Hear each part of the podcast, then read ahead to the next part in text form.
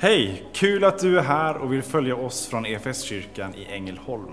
Du kommer nu att få se eller höra en predikan från en av våra gudstjänster. Har du några frågor eller vill veta mer om oss som kyrka så kan du alltid gå in på www.efskyrkan.info. Vill du ha tillgång till mer undervisning eller ta del av våra inspelade konferenser eller gudstjänster gå gärna in på vår Play-kanal, efskyrkan.tv. Nu ska vi lyssna på denna veckas predikan. Vi är i den här underbara månaden. Det är ju liksom lite subjektivt vad man tycker om de olika årstiderna, men det är september är också en av tolv fantastiska månader. Och eh, vi har satt ett tema över den här månaden i kyrkan här som utgår just ifrån den salmen som vi sjöng. Med Gud och hans vänskap. Och så har vi satt några underrubriker som bara precis snuddar den första strofen i den första versen i en psalm som egentligen innehåller åtta verser. Eh, med Gud och hans vänskap, hans ande och ord, bröders gemenskap och nådenes bord. Tänk vilken kort strof som vi lätt sjunger förbi men som innehåller så otroligt mycket.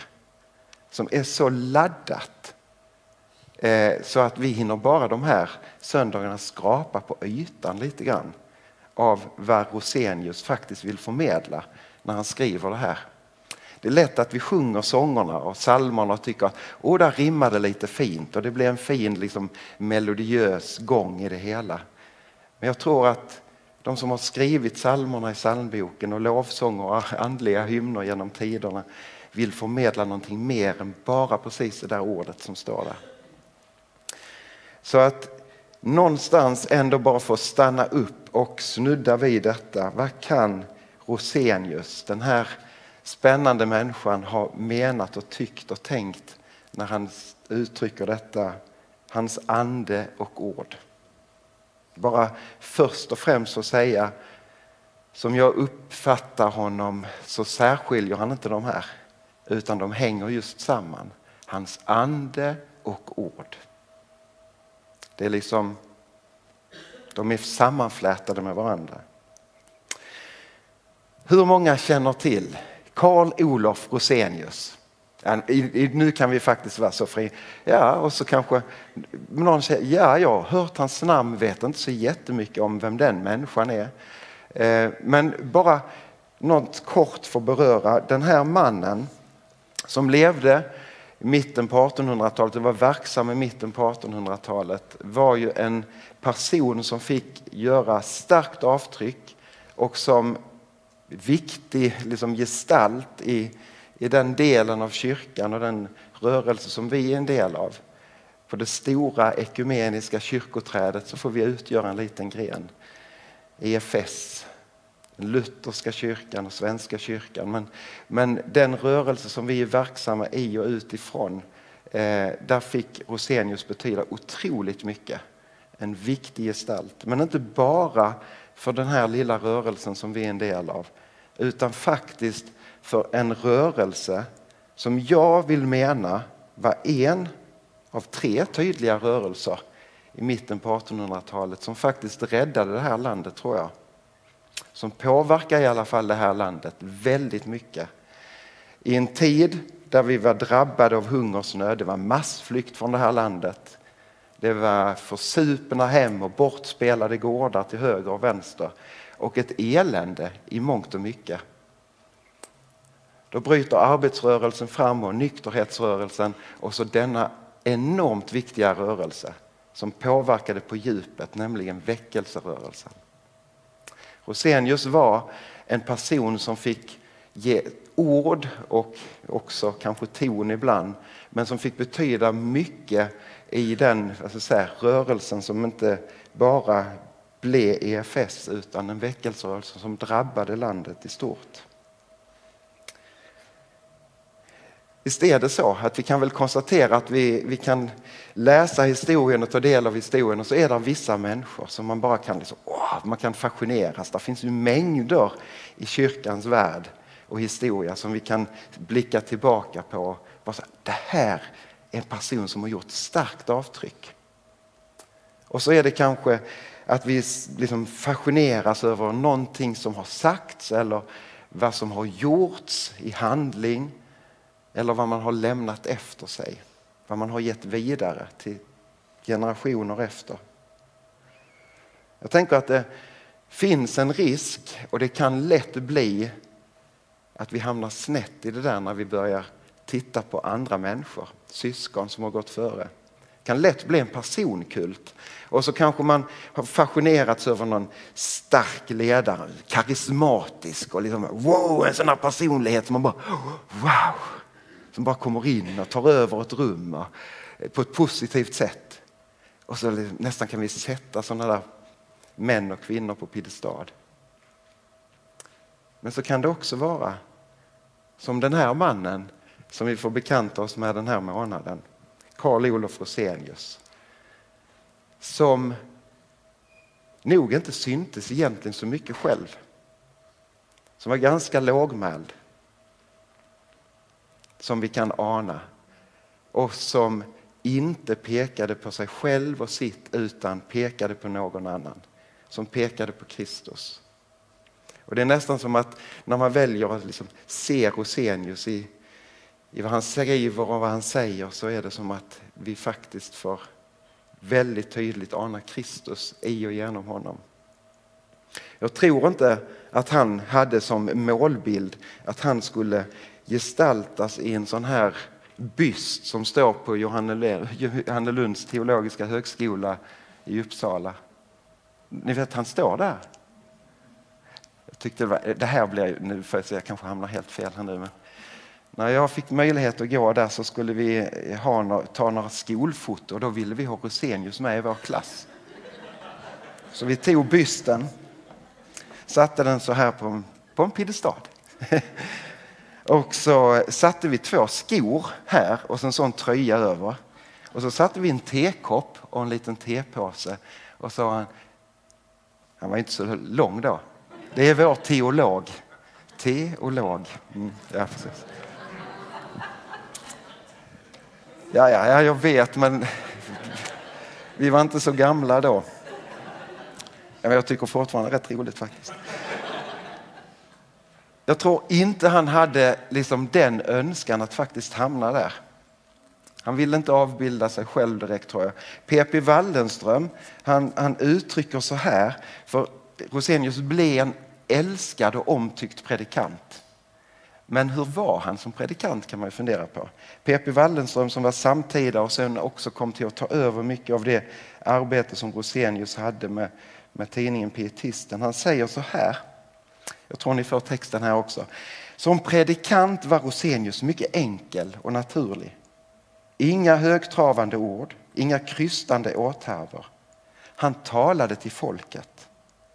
Hans stämma var bred, hans dialekt norrländsk och aldrig la han an på att uppröra känslorna hos sina åhörare. Hans hållning var lugn och värdig. Hans enda rörelse på predikstolen bestod att han sträckte ut ena armen.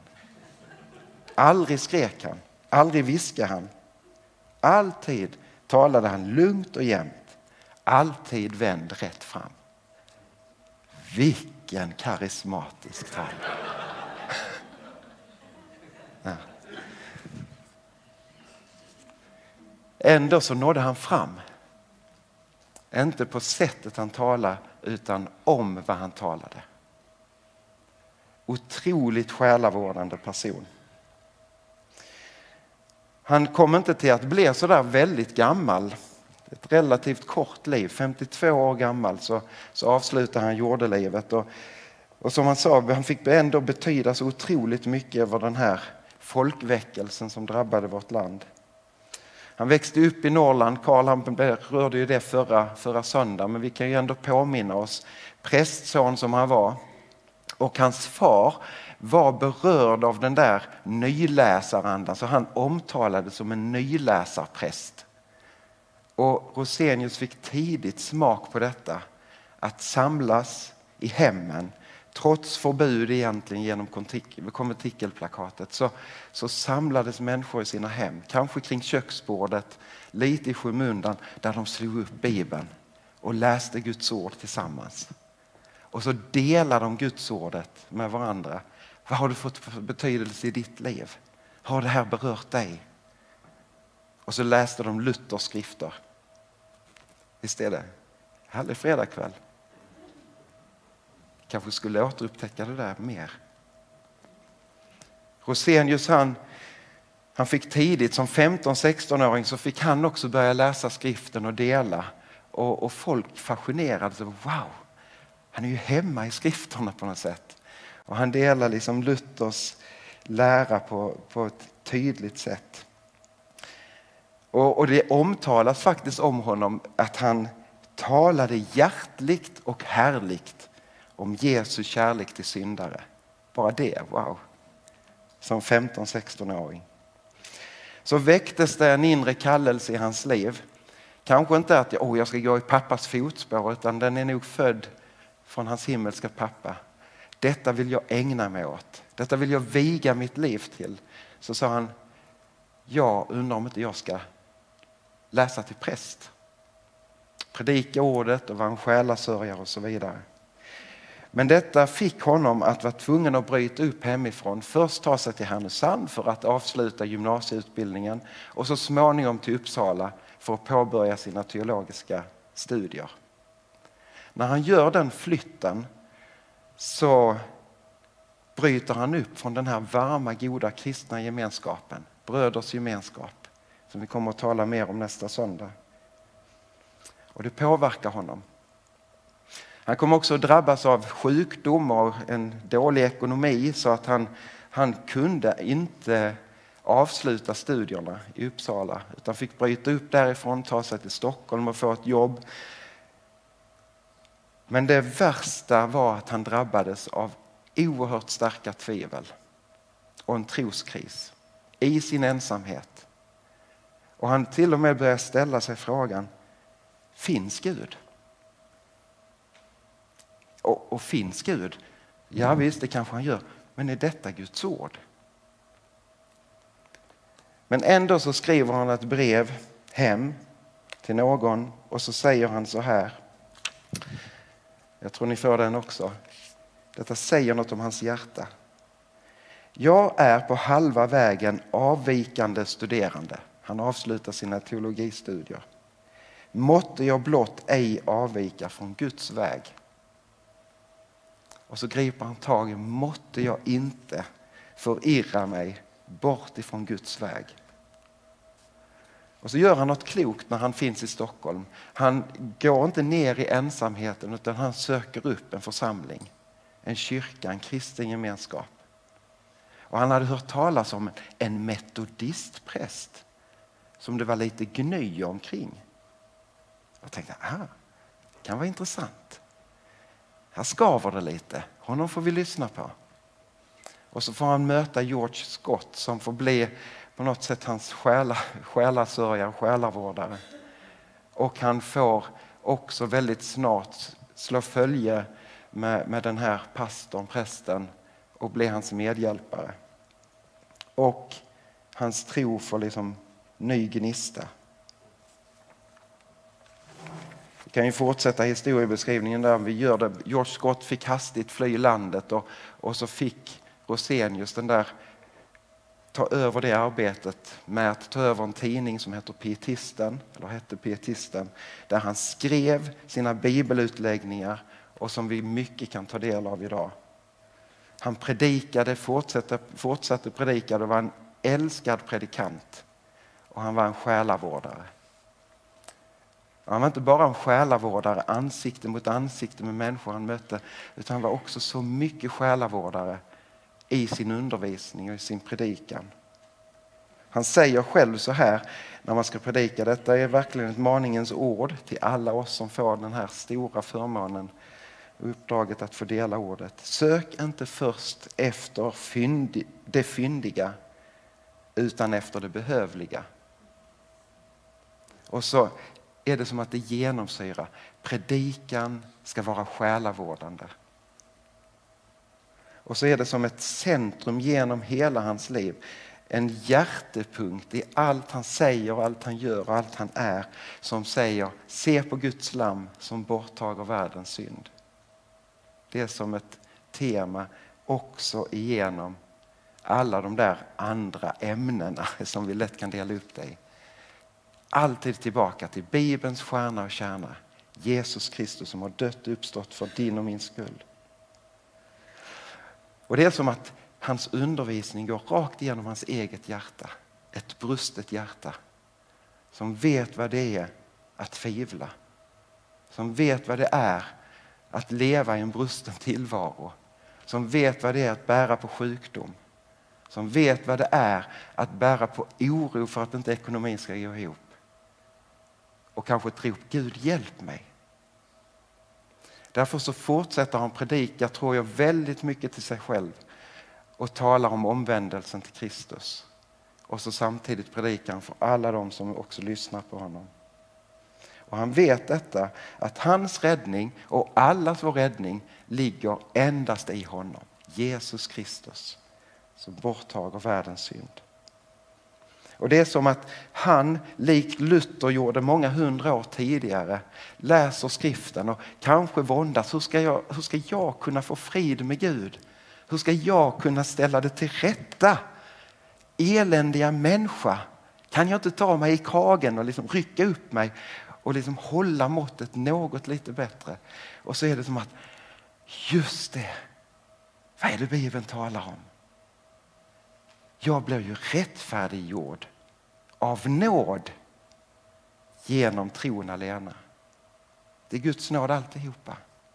Och så är det som, det anbefaller inte på mig. Jesus har gjort det. Och bara det, det är ju så mycket själavård i det så att det behöver vi en annan själavård.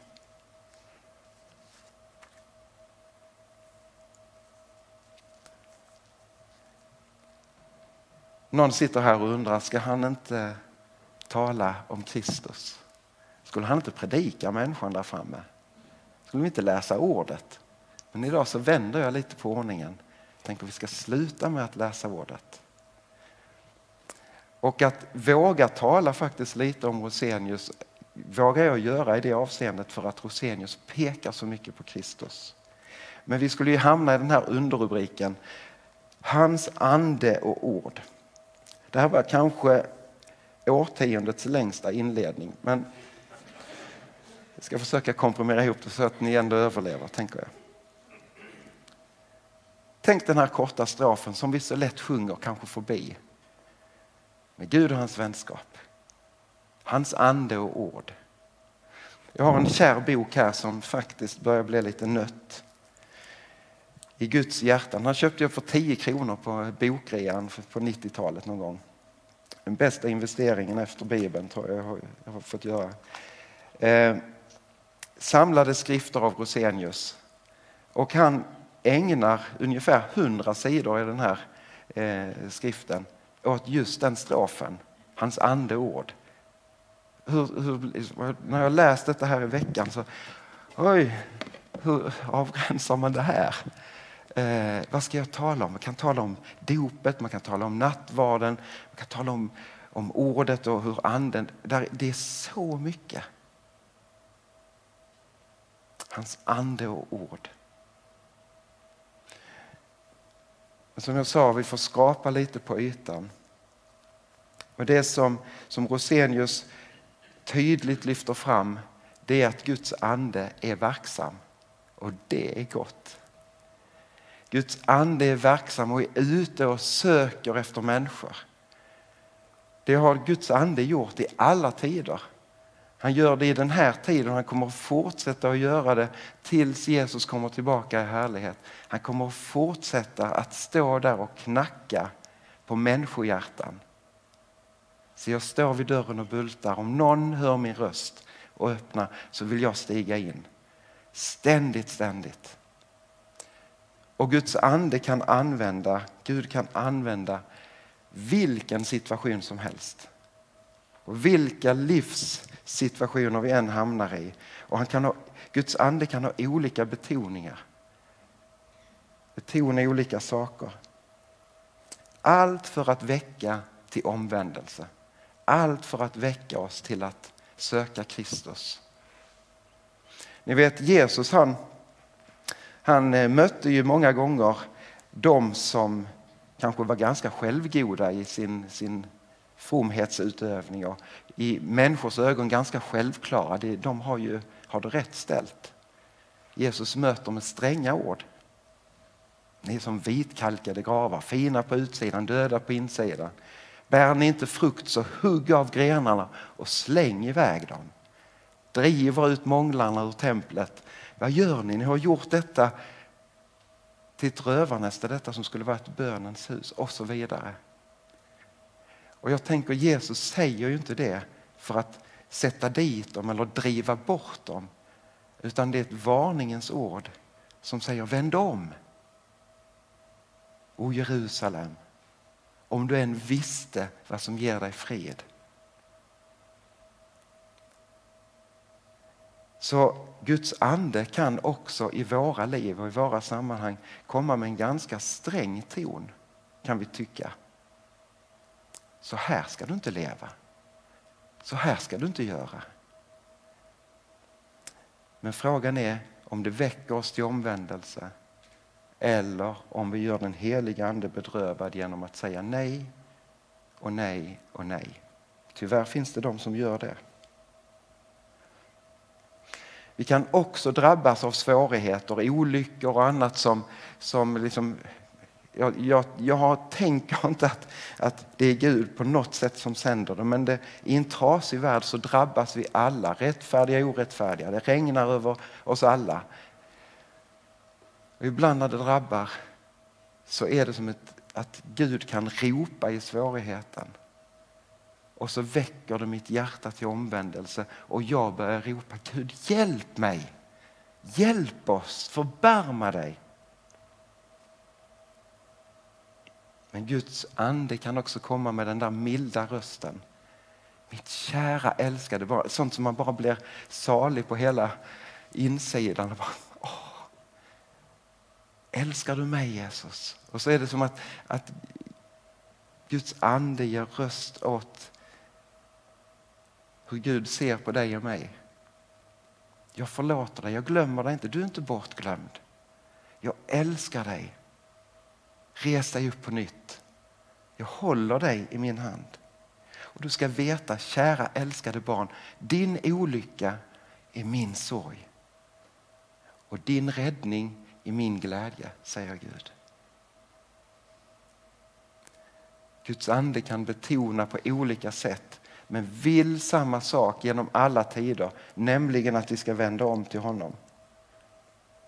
Och, och det som när man läser de här hundra sidorna, eller nära på hundra sidor, så är det som man kastas mellan, eller jag gjorde det, liksom, åh, syndanöd, nej vad är detta med mig? Jag liksom nästan sitter där i stolen eller står med boken och gör heliga avgöranden igen kring mina val i mitt liv. Och nästa stund så är det bara ah, som balsam för själen. Tänk att jag är förlåten. Tänk att jag får vara ett Guds barn. Och så säger Rosenius, oavsett hur, vilken betoning, men väcker det till omvändelse så är det ingenting annat än Guds ande som gör färde. Det är som att det finns tre tydliga krafter i tillvaron som drar bort ifrån Gud. Det är djävulen, den onde, som står i konflikt med Gud en fallen värld med allt vad det innebär som drar oss bort ifrån Gud och oss själva som utifrån den fallna världen tyvärr drar bort ifrån Gud och vill stå på egna ben. Vi lider alla av arvsynden. Men kommer den där rösten eller den där aningen av att vi ska vända om till Gud när det, när det liksom kanske till och med blir så att det blir en syndanöd och en ånger och det blir en syndabekännelse utav det. Det kommer vi inte på själva. Det är Guds ande som är färdig.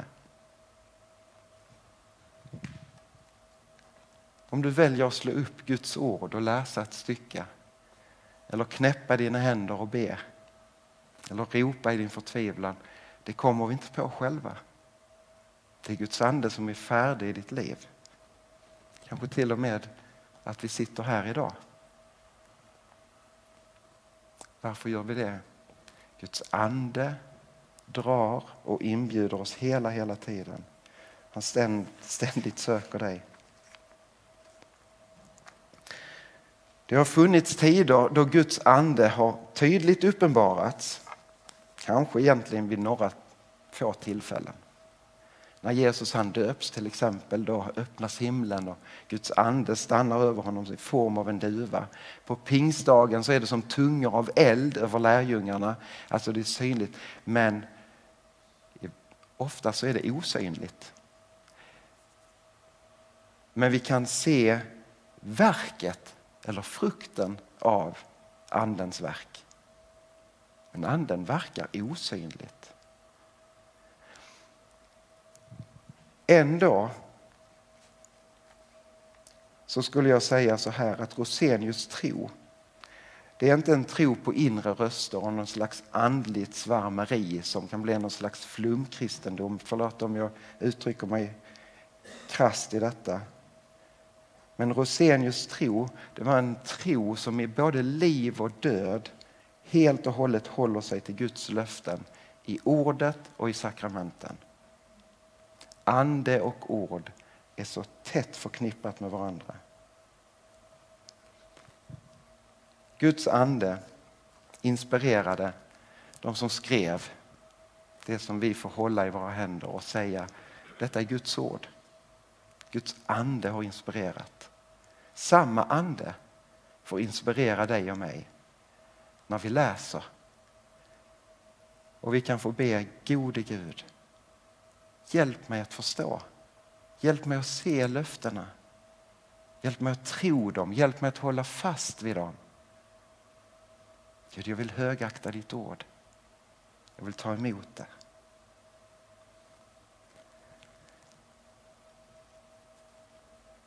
Ni vet, vi som i dopet och i tron på Jesus Kristus har fått den heliga Ande som en första gåva, som en förstlingsfrukt eller som ett sigill som slår fast att detta gäller. Detta gäller för dig. Vi får lov att veta att vi aldrig någonsin mer går ensamma. Guds ande vill hjälpa dig. Han vill låta dig växa. Han vill hjälpa dig förstå mer av vem Gud är och vem du är i förhållande till honom. Så därför vill jag läsa ett stycke från Efesierbrevet tillsammans med er. Med bönen om att gode Gud Hjälp mig att se detta, vad du har skänkt oss. Hjälp mig att tro det och hjälp mig att leva i det. Och hjälp mig Gud att sträcka det vidare. Så vi läser i Jesu Kristi namn. Välsignad är vår Herre Jesu Kristi Gud och Fader. Han har välsignat oss med all den andliga välsignelse som genom Kristus finns i himlen liksom han före världens skapelse har utvalt oss i honom till att stå heliga och fläckfria inför sig i kärlek. Han har förutbestämt oss till att få söners rätt genom Jesus Kristus och förenas med honom. Det var hans viljas beslut till pris och ära för den nåd som han har skänkt oss med sin älskade son. I honom och genom hans blod har vi friköpts och fått förlåtelse för våra överträdelser. Så rik är den nåd med vilken Gud har låtit all vishet och klokhet flöda över oss. Och han har yppat sin viljas hemlighet för oss. Det beslut om Kristus som han hade fattat från början och som skulle genomföras när tiden var inne att sammanfatta allting i Kristus, allt i himlen och allt på jorden. I honom har vi fått vår arvslott, förutbestämda därtill av honom som låter allt ske efter sin vilja och sitt beslut.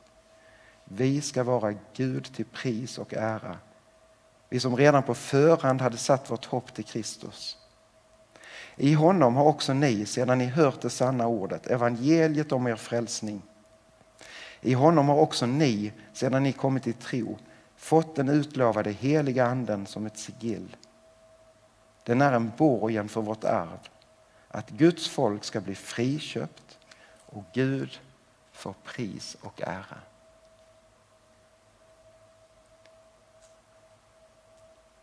Med tron på att detta är giltigt och gäller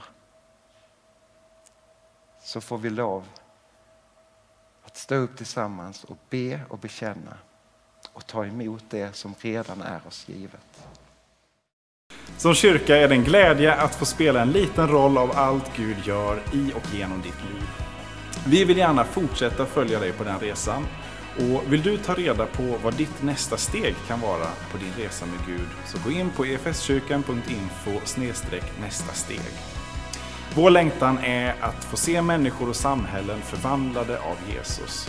Genom en kyrka som återspeglar Guds hjärta, bär varandra och betjänar människor varhelst vi befinner oss varje dag.